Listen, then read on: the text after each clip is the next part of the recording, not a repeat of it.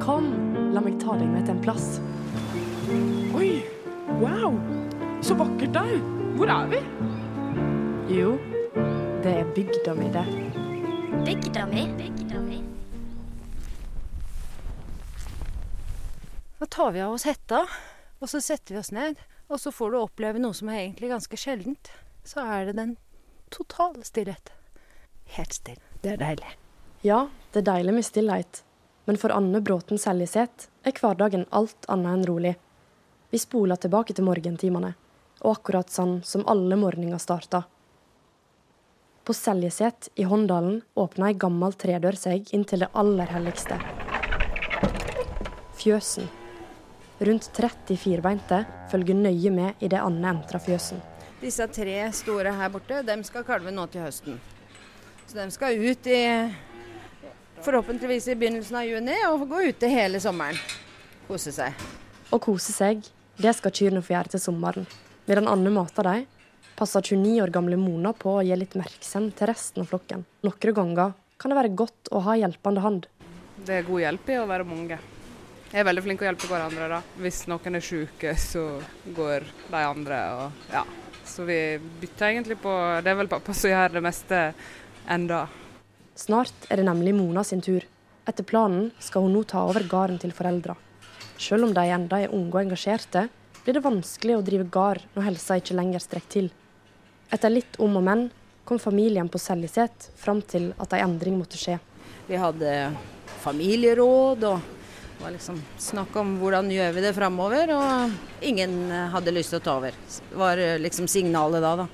Da ingen av ungene hadde mulighet til å ta stafettpinnen videre, ble det Mona som meldte sin interesse for familiegården. Nå er det klart hvordan framtida til Mona skal bli. For Anne derimot var det ikke nødvendigvis gardslivet som lå i korta. Jeg har jo aldri vokst opp på gard.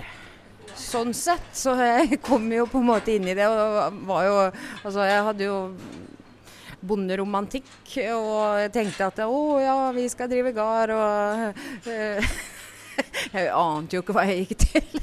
Men hvordan kan det ha seg at Anne med østlandsdialekt nå står med fjøsstøvlene på en liten gard på Vestlandet? Svaret får vi kanskje over en kopp kaffe og et par nykokte egg. Vi går opp trappa og blir møtt med nybaka brød og egg. Men eggeglassene er ingen plass å finne. Til min store forskrekkelse så hadde jo ikke Mona eggeglass. Ja, Hva gjør vi da? Nei, da er det jo å få av seg gifteringen, legge den nedpå og sette egget på. Så har du eggeglass. Nå er gifteringen et eggeglass, men kanskje den òg kan gi oss et hint om hvordan Anne fra Austlandet ender opp i det våte Vestland. Hun tar oss med tilbake til sommeren da hun var 17 år. I baksetet satt den unge og lovende Anne.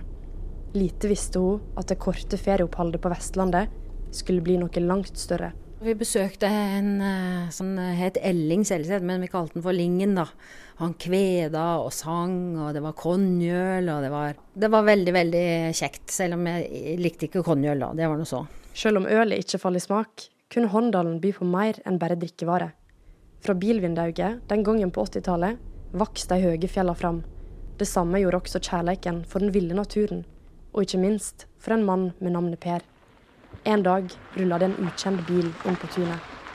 Så kom det en eh, hvit Amazon med fem gutter i, som bare skulle varme opp før de skulle på fest. Så var det i grunnen Per som dro meg ned på fanget og sa her kan du få sitte. For vi var jo da en i overlast i den bilen, da. Så da måtte jeg jo sitte på et fang. Så sånn gikk det. Det var til slutt de to, Anne og Per. Og slik er det fremdeles den dag i dag. Den gang satt hun på fanget til Per. Nå sitter Anne på kjøkkenet og kikker utover det hvite sløret som har lagt seg på bønnen i Håndalen. Kanskje man skulle tatt seg en tur ut? Anne finner fram trugene. Har du brukt truger før? Nei. Oi, en gang må bli den første. Da skal du få lov til å snøre på deg disse. Tusen takk. Vi skal til en av Anne sine favorittsteder bålplassen. Det blåser opp, og snøen omringer oss idet vi begynner å gå. I det fjerne kan vi skimte ei lita hytte. Anne tørker vekk snø fra brillene, medan hun lar blikket streife over den snøkledde bønnen. Hva er det slags tanker som kommer til deg når du sitter her ute? Nei, det blir jo på en måte en litt sånn opprydning å gå gjennom forskjellig og eh, roe, roe ned tankene, kanskje. Kanskje tenker Anne på våren. Elva som snart skal smelte, fuglene som skal kvitre, og barnebarn som springer barbeint i gresset. Da kan det være fint å filosofere over rikdommene i livet. Jeg husker en gang unga spurte mamma, er vi rike? Og så måtte jeg tenke meg litt om, og så sa jeg nei, ikke på penger. Men eh, vi har gard og dyr og jord, og vi kan plukke blåbær. Kan sette oss og plukke blåbær der hvor vi eier skogen. Det er å være rik.